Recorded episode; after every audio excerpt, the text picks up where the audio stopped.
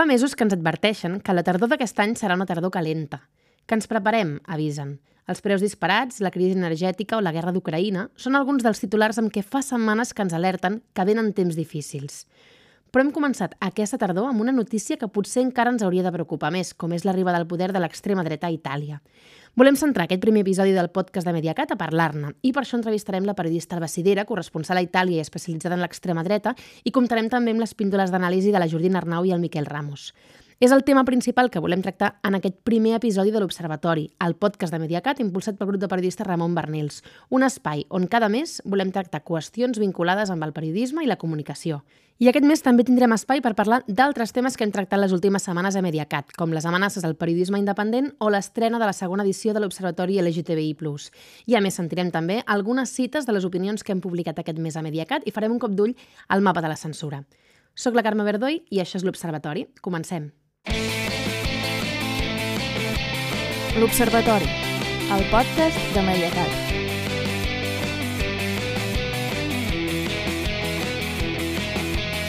L'extrema dreta ha guanyat les eleccions a Itàlia, amb la victòria de la neofeixista Giorgia Meloni, líder de la formació Fratelli d'Itàlia. Per mirar d'entendre les claus del que ha passat, el paper que han tingut els mitjans en l'ascens de l'extrema dreta i també quin paper poden jugar a partir d'ara, volem saludar la periodista Alba Sidera, corresponsal a Itàlia i especialitzada en l'extrema dreta, coneixedora a fons del feixisme italià, la podem llegir habitualment en les seves cròniques al diari El Punt Avui i també ha radiografiat el feixisme en llibres com Feixisme persistent, publicat el 2020 fruit d'anys d'investigació per entendre totes les eines de l'ascens de l'extrema dreta en un país com Itàlia. Hola, benvinguda, Alba. Hola, què tal? Com esteu? La victòria de Giorgia Meloni es vincula directament amb la banalització i normalització de l'extrema dreta i del feixisme que està havent a tot el món? O és un fenomen especialment localitzat a Itàlia? És a dir, que hi ha alguna cosa que diferenciï també de com ho viu la societat italiana o fins i tot com s'explica des dels mitjans italians? D'una banda, arreu del món hi ha un procés de banalització del feixisme uh, i l'extrema dreta arreu del món doncs, està fent servir la mateixa tàctica, no? d'intentar penetrar a tots els aspectes de la societat i de semblar um, menys perillosa i més democràtica. No? I això també, doncs, uh, evidentment, ha tingut un efecte a Itàlia. Però Itàlia, a més a més, a més té una, part una particularitat i és que aquí uh, s'ha banalitzat el feixisme d'una manera molt més exagerada ja des de fa unes quantes dècades. Des de quan? Des del principi dels anys 90, amb l'entrada de Berlusconi en política, de pensar que a Itàlia hi havia un pacte eh, entre la, tota la classe política de no fer entrar els feixistes al poder, no? perquè Itàlia eh, va vèncer el feixisme i la República Italiana és fruit de l'antifeixisme la Constitució italiana la van fer totes les forces polítiques, no? des de la dreta de la democràcia cristiana fins als comunistes. I el pacte era doncs, això, doncs, de no uh, fer entrar mai els feixistes, els feixistes al poder. I Berlusconi, quan va entrar al poder, el 94, ho va fer pactant amb, amb el que ara són Fratelli d'Itàlia, no? amb els que abans eren Movimento Social Italiano i llavors Aliança Nazionale, i amb la Lliga. I això en el seu moment va ser un escàndol, les cròniques d'aleshores estaven escandalitzades, no? Eh, una mica com ara, eh, deien això que el primer país eh, europeu després de, de la Segona Guerra Mundial on arriben els feixistes, els feixistes al poder és justament Itàlia, no? on la gent no s'ho podia esperar perquè l'havien vençut. Uh, però després, amb, amb els anys, uh, la cosa es va anar com oblidant i suavitzant. I sobretot uh, a Itàlia, el fet que Berlusconi tingués un monopoli mediàtic, encara el té, però a més a més, quan era al poder, també controlava els mitjans públics.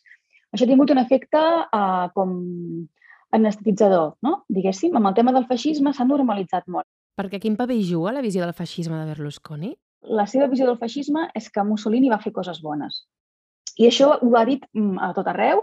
Ho va dir, per exemple, el 2013, que me'n recordo que vaig fer la crònica pel punt avui, eh, ho va dir davant de les víctimes de l'Holocaust. Era un dia, el dia de la memòria eh, de la Shoah, i va dir això, va dir que, bueno, que sí, que, que Mussolini havia fet coses bones i que, de fet, havia sigut Hitler no? que l'havia enredat. Ja sempre que una mica aquesta és la visió de la dreta italiana. I aquesta visió, què ha implicat? Quines conseqüències ha tingut? I això doncs, ha anat fent que es veiés mm, el feixisme com una cosa que no fa por, com una cosa molt menys greu, per exemple, que el franquisme, i ja no parlem del nazisme.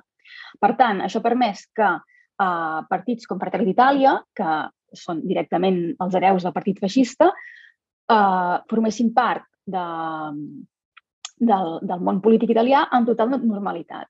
Hem de pensar que Meloni no surt del no-res, no? O sigui, ella ha sigut ministra de, de Berlusconi i és en política des dels 16 anys. Vull dir que no, aquest fenomen novetat que, que ha ara és una mica novetat pels, pels que s'ho miren des de fora i els ve de, de, de nou, però vull dir, els italians uh, la coneixen des de fa molt de temps. Per tant, uh, sí, uh, hi ha hagut una, una normalització molt gran i, per tant, uh, fins i tot una cosa que sempre recordo és que aquí els mitjans, tots, fins i tot els de centre-esquerra, uh, diuen que Meloni és de centre-dreta, no? I això és una de les meves fixacions des de fa 10 anys, quan vaig començar a escriure cròniques, que, que em semblava al·lucinant, no? Que aquí es digués centre-dreta de l'extrema dreta.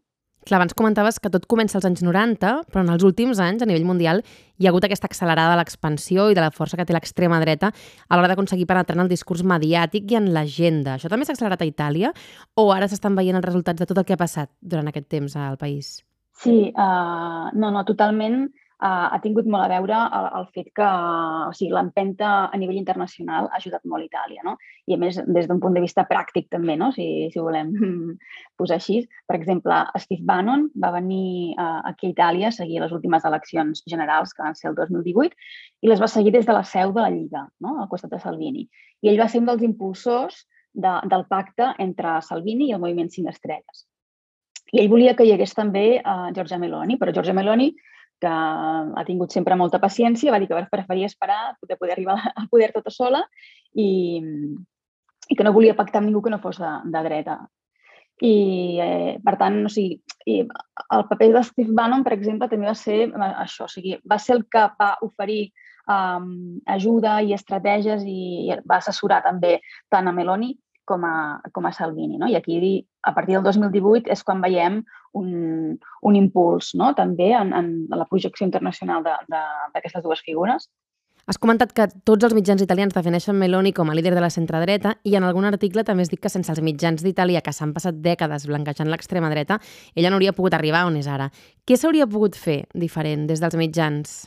Mm, gairebé tot, perquè s'ha fet molt malament. O sigui, tots els errors que es podien fer s'han fet. Per exemple, en els últims uh, dos anys, que és quan Meloni s'ha estat preparant descaradament per arribar a ser primera ministra, uh, tots els mitjans uh, han col·laborat en un blanquejament encara més exagerat de la seva figura. No? O sigui, abans ja hem dit que estava completament normalitzada, que ningú uh, la trobava uh, un dimoni com les portades que estem veient aquests dies no? de, de diaris francesos, per exemple, o del New York Times, que trien fotos així com molt agressives d'ella i, i posen una imatge com així i diuen quina por. Aquí això no ha passat mai, en absolut, no? Però els darrers, mm, això, any i mig, dos anys, ha sigut molt exagerat el blanquejament que hi ha hagut, perquè li han seguit el joc, no? Um, Eloni s'estava ja preparant per ser primera ministra i va fer una, va escriure una, una autobiografia uh, una geografia uh, i tots els mitjans uh, li van comprar el relat no, de, que ella volia vendre, que és això, la, la part humana, i tots els mitjans, però vull dir tots, eh, eh els, els d'esquerres també, eh, i totes les televisions, li han fet entrevistes, eh, massatge i això parlant de la part humana, no? O sigui, en fi, hi ha hagut un blanquejament absolut i total eh, a tots els mitjans. Eh, ha sigut molt exagerat. Vull dir, han, hi han contribuït tots. I, a més a més, això que uh, quan se n'han adonat ja era massa tard. De fet, en un article parlaves de la diferència en com els mitjans italians han llegit la situació a Itàlia i com ho ha vist en canvi i com ho han vist en canvi els mitjans internacionals. Uh, aquesta campanya ha sigut la campanya en què Itàlia s'ha adonat de com el món la, la veu, no? Uh, perquè tots els mitjans s'han dirigit cap a Itàlia i han dit, ostres, se n'han adonat no, del que estava passant. No? I el partit hereu del partit feixista està a punt d'arribar al govern. I aquí doncs, no, no es veia amb aquesta gravetat. I va haver-hi realment un canvi molt gran eh, en com s'estava enfocant el que estava passant a la campanya des que els mitjans estrangers van començar eh, a fer cròniques o reportatges del que estava passant i en parlaven amb propietat, no? diguin les coses pel seu nom, que aquí no s'ha fet. I aquesta lectura de la premsa internacional ha estat com una presa de consciència? O sigui, ha fet que hi hagi una sensació que a partir d'ara s'haurà de parlar de l'extrema dreta d'una altra manera? Sí, jo crec que els mitjans que han volgut fer una mica d'autocrítica se n'hauran adonat uh, de, del viatge que hi havia i que no pot ser que tot el món uh, defineixi uh, un partit uh, postfeixista i aquí se'l defineixi de centre-dreta, no? Hem parlat de la banalització del feixisme als mitjans, però també es dona en altres espais com Instagram o TikTok, on hi ha precisament més presència de la gent jove? Ah, sí, sí, totalment. Uh, és que això forma part d'una estratègia que va començar l'extrema dreta ja fa molts anys. No? El, cap a... Després del maig del 68, eh, els pensadors de, de dretes i d'extrema dreta francesos es van adonar que els valors eh, d'esquerres eren molt més atractius pels joves que no pas el, els de dretes, no? que resultaven com molt eh, antiquats, no? molt, molt, molt rònecs.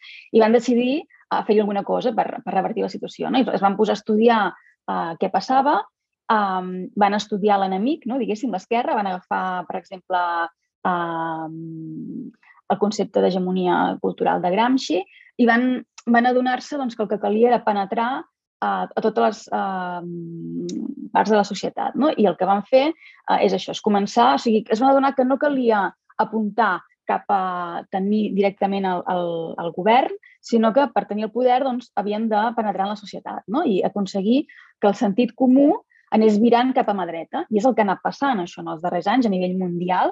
Eh, entre els joves, fins fa no gaires anys, no? Quan, quan jo era jove almenys, eh, estava mal vist ser de dretes, no?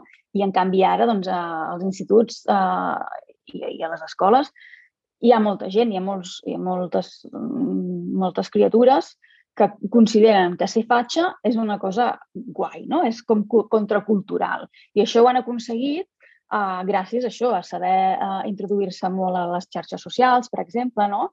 Uh, a YouTube, a primer van començar en els fòrums d'internet i diguéssim que la cosa uh, es van expandint, no? I això, o sigui, ells, uh, l'extrema dreta el que està perseguint és tenir l'hegemonia cultural, no? Uh, aconseguir que el sentit comú sigui sempre més cap a mà dreta i que uh, tolerem coses que fins fa poc ens semblaven inacceptables. I si fem una mirada als propers mesos, quins perills creus que té en clau europea la victòria de Meloni, tenint en compte també que pot ser una avançada del que pugui venir eh, els propers mesos, els propers anys, i del que pot passar també amb l'ascens de partits com Vox de cara a les eleccions de 2023? Meloni va dir directament que esperava que la seva victòria obrís camí a Santiago Abascal no? i que fessin el mateix a l'estat espanyol que s'ha fet a Itàlia. I què és el que ha fet a Itàlia? Uh, L'extrema dreta ha pactat amb la dreta i o sigui, no ha sigut una cosa instantània, vull dir, la, han tardat tres dècades, però han arribat uh, com a socis majoritaris al final. No? O sigui, van començar com a socis minoritaris amb la dreta de Berlusconi i al final s'han anat menjant, no? perquè això sempre eh, és el que acaba passant sempre, no? que quan la dreta pacta amb l'extrema dreta sempre se'n beneficia l'extrema dreta, perquè la dreta va copiant cada vegada els missatges més d'extrema dreta i al final doncs, la gent vota l'original. No? I eh, és el que voldria que passés Meloni eh, a Espanya i és el que confia també que passi Vox, no? que és pactar amb el PP i un cop ja arribin al govern, doncs, eh, esdevenir el partit majoritari. I en aquest sentit, què es pot fer des dels mitjans? És a dir, es, es pot posar el focus en altres aspectes a l'hora de parlar d'extrema dreta, com ara explicar què implicaria eh, que governin? Clar, totalment. És que el, els mitjans d'arreu han ajudat molt a, a, a difondre les idees d'extrema dreta, perquè l'extrema dreta sap perfectament què fa i utilitza la tàctica de, de deixar anar exabruptes i animalades perquè així eh, esdevenen titulars i llavors doncs, eh, el que passa és que això es difon el missatge, no? perquè molta gent només llegeix el titular i Salvini ha dit eh, que tots els negres són no sé què, i, i això és el que acaba arribant, no? Mm, per tant, sí, evidentment no fer uh, periodisme de titular uh, sense explicar en el mateix titular que això és mentida, no? Per exemple, si es, si es vol explicar uh, que ha dit una mentida, doncs s'ha d'aclarir que és una mentida i, i això, fer entrevistes, quan es fan les entrevistes, doncs preguntar uh, pel programa i, i no deixar que, que venguin la moto, no? que venguin uh, que estan a costat de les classes populars, per exemple, no? que és el, el, la mentida que més els agrada. Doncs moltes gràcies, Alba. Fins aviat. Un plaer. Moltes gràcies. Adéu. Ho ha explicat l'Alba Sidera, per combatre l'extrema dreta el paper dels mitjans és fonamental i aquest any de fet ha publicat conjuntament amb la Jordina Arnau la guia pràctica contra l'extrema dreta. Per saber una mica més sobre com des dels mitjans es pot tractar el discurs de l'odi, la Jordina Arnau ens dona algunes claus. Una premissa a l'hora de combatre l'extrema dreta des dels mitjans és no donar veu, o si més no, no normalitzar mai qualsevol força, institució o partit que promogui la discriminació, l'odi i que ataqui els drets humans fonamentals com poden ser els drets sexuals i reproductius. Com a periodistes hem de conèixer què és l'extrema dreta, qui en forma part, com funciona en l'àmbit internacional i què és el que pretén i ho hem de conèixer per evitar blanquejar-la i comprar els seus marcs ideològics o reproduir acríticament aquells conceptes aparentment neutrals amb els quals la pròpia extrema dreta es defineix, com per exemple el concepte constitucionalistes que fan servir a l'estat espanyol.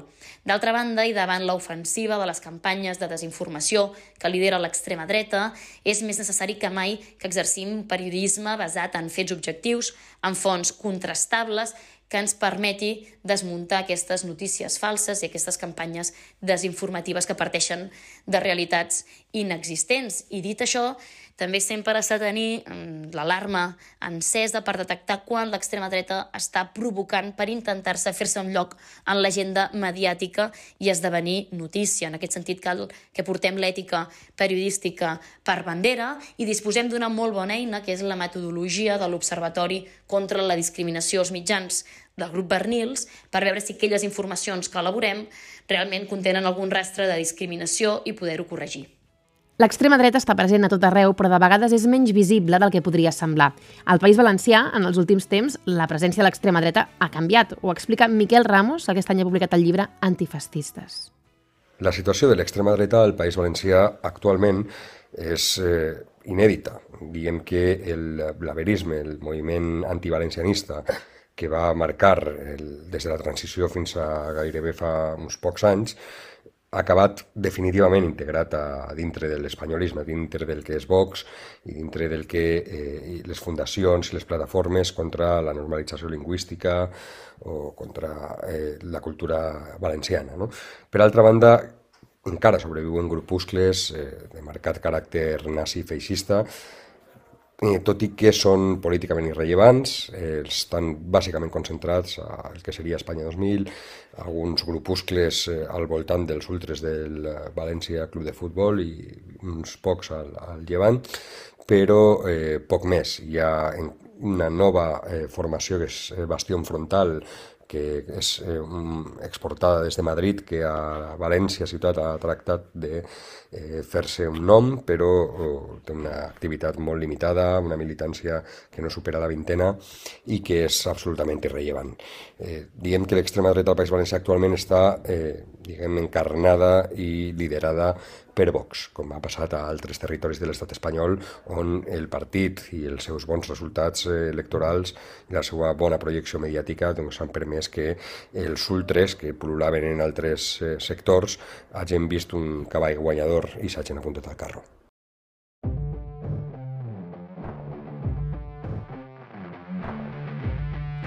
Les veus de Mediacat. Laia Coronado. La digitalització i internet no són només les grans plataformes. Iniciatives com la Wikipedia o Creative Commons sorgeixen de la voluntat de col·laborar desinteressadament per crear un internet més amable i cooperatiu. Aquest mes a Mediacat també hem parlat de per què cada cop hi ha més gent a qui no interessen les notícies o que fins i tot les evita expressament. Unes dades que constatava l'informe Digital News Report, elaborat per l'Institut Reuters i la Universitat d'Oxford. N'hem parlat amb l'Eduardo Suárez, director editorial de l'Institut Reuters, que dona algunes claus sobre aquest tema. A veces los medios nos quedamos un poco en la superficie o asumimos que la, las audiencias saben de las cosas de las que estamos hablando y a veces pues no, eh, no saben o son cosas que vienen de atrás o que no, no controlan muy bien eh, y creo que tenemos que hacer un esfuerzo también para, para, que eso no sea así.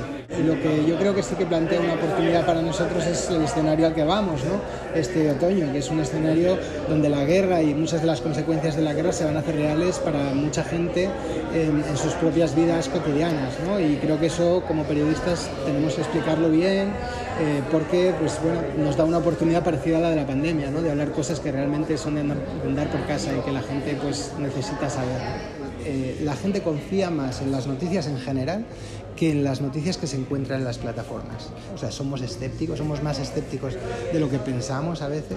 Hay una gran psicosis de la desinformación en las plataformas. Hay desinformación en las plataformas, pero en la mayoría de los países la gente sabe que son entornos donde tiene que estar con un ojo puesto, ¿no? Nuestra audiencia o las audiencias están en redes sociales, pero probablemente en redes sociales que los periodistas usamos menos, ¿no? porque son redes y suelen ser redes donde la gente está eh, por otros motivos. Y yo creo que como periodistas, como medios, tenemos que aprender el lenguaje de ese tipo de espacios si queremos estar en ellos y tenemos que intentar hablar de, de las noticias o contar las noticias en un lenguaje que, que esté adecuado al entorno. No nos vale el mismo lenguaje para todos los lugares, ¿no? Y ese es el gran desafío un poco que tenemos, ¿no? Y el problema es que la gente de menor de 40 años ni ve la, ni ve la tele ni escucha la radio, ¿no? Y tienes que eh, pensar en fórmulas para llegar a la gente joven. Es el reto clave de todos los medios, pero en especial de los medios públicos porque está en su misión. Su misión es llegar a todo el mundo, no a la gente mayor.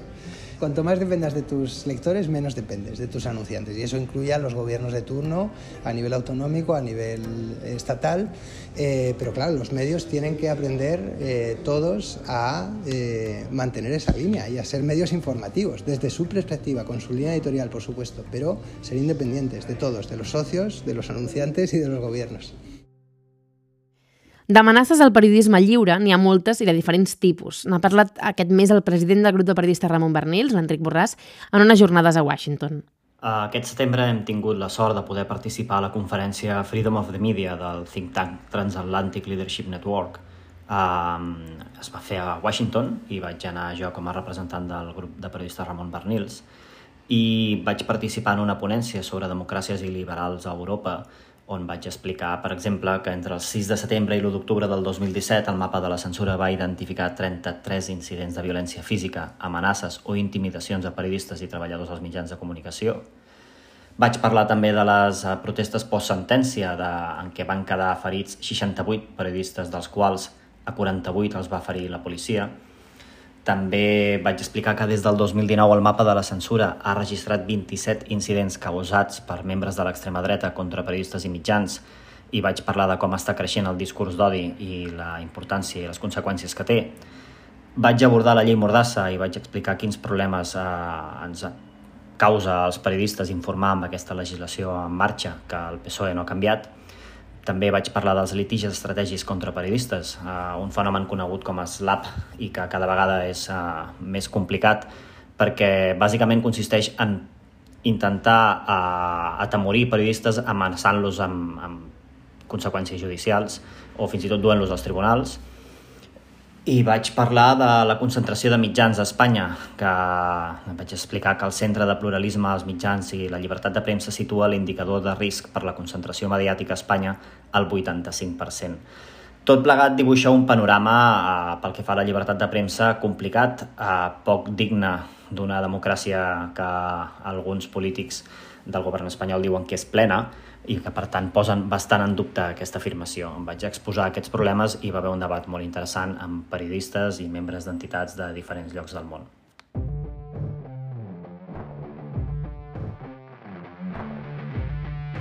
Les veus de Mediacat. Joan Vila i Triadú. El vernilisme, entès com aquell coquet interior que impulsa un o una periodista a revoltar-se contra una situació establerta, a reivindicar i practicar un periodisme diferent del que es fa per inèrcia, el vernilisme, doncs, no només no s'ha esllenguit, sinó que s'ha multiplicat.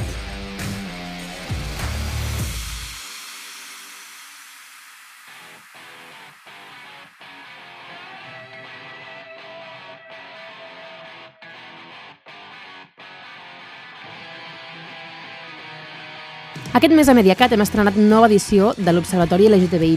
El seu coordinador, Víctor Llustres, ens explica per què vol servir una eina com aquesta i què es vol aconseguir amb aquesta segona edició. Com tracten els mitjans de comunicació les informacions relacionades amb la població LGTBI? Quins estigmes i discriminacions reprodueixen? Quins recursos tenim per millorar la visibilització i el tractament de les realitats LGTBI als mitjans i també als productes audiovisuals? L'Observatori LGTBI de Mediacat neix l'any passat, el 2021, justament per respondre a aquestes preguntes. Tot i que s'ha avançat els darrers anys, moltes informacions encara reprodueixen estereotips i mirades poc diverses sobre les persones amb una identitat de gènere o orientació sexual fora de la norma, és a dir, no heterosexuals ni cisgènere. Seguint la línia d'altres observatoris temàtics, com l'Observatori de la Cobertura de les Violències Masclistes, l'Observatori LGTBI ha assenyalat i analitzat les discriminacions als mitjans referents al col·lectiu, però també ha donat veu a diverses persones que mostren el ventall de riquesa i diversitat que amaguen les sigles LGTBI i més enllà. Sabem que en moltes redaccions es treballa de manera precària i de pressa, amb la dictadura del clickbait i del morbo i en alguns casos amb manca de coneixement i de fons a l'hora d'abordar aquestes qüestions. És per aquest motiu que aquesta segona edició de l'Observatori LGTBI, que arrenca aquesta tardor, no vol quedar-se només amb la crítica. Volem plantejar debats i donar eines i recursos que contribueixin a que els periodistes i les periodistes incorporin transversalment la perspectiva LGTBI i feminista als continguts i als mitjans de comunicació. En aquesta línia, el primer contingut que publiquem és una entrevista feta pel periodista Joao França a la sociòloga i activista feminista queer Gracia Trujillo. És l'autora del llibre El feminismo queer es para todo el mundo. Trujillo defensa l'etiqueta queer, que és un mot anglosaxó que significa estrany. Amb aquest mot reivindica la diferència i la crítica a la normalitat i als binarismes que inunden tota la nostra cultura. Una normalitat que també des dels mitjans, tal com assenyala, es fa servir per justificar jerarquies i desigualtats. A l'entrevista dona algunes pistes de com podria ser un periodisme queer, aquell que es fa amb altres usos del llenguatge, pensant en altres veus i, sobretot, qüestionant les jerarquies i el poder.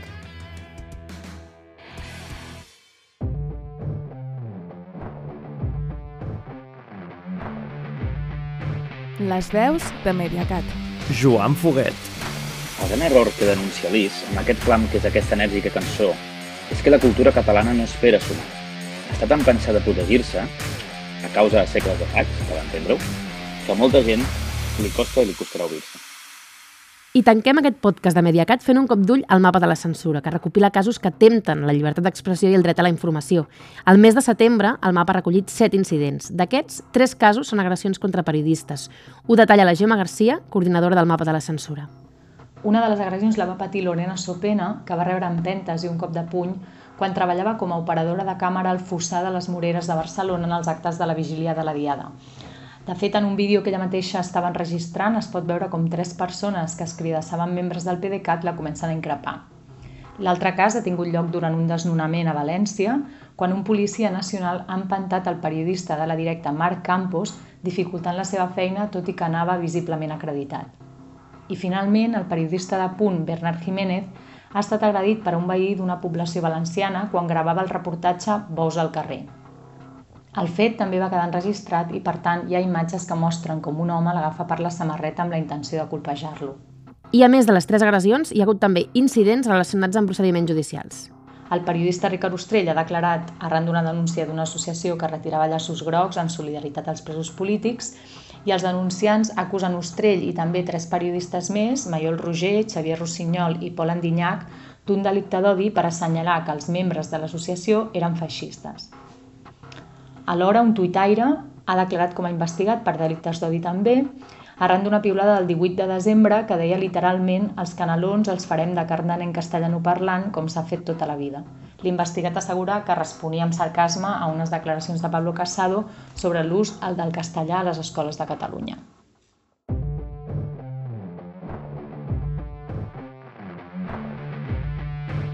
Les veus de Mediacat. Eric Lluent. Dediquem hores del nostre dia a consumir productes audiovisuals de manera improvisada i accelerada.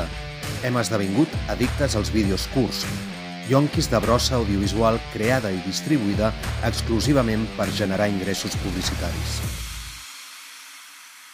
Hem arribat al final d'aquest primer episodi del podcast de Mediacat, un podcast que és possible gràcies al suport de Catalunya Fons. Gràcies a totes les col·laboracions que l'han fet possible i a l'Alberta Vilés, al control tècnic i al muntatge.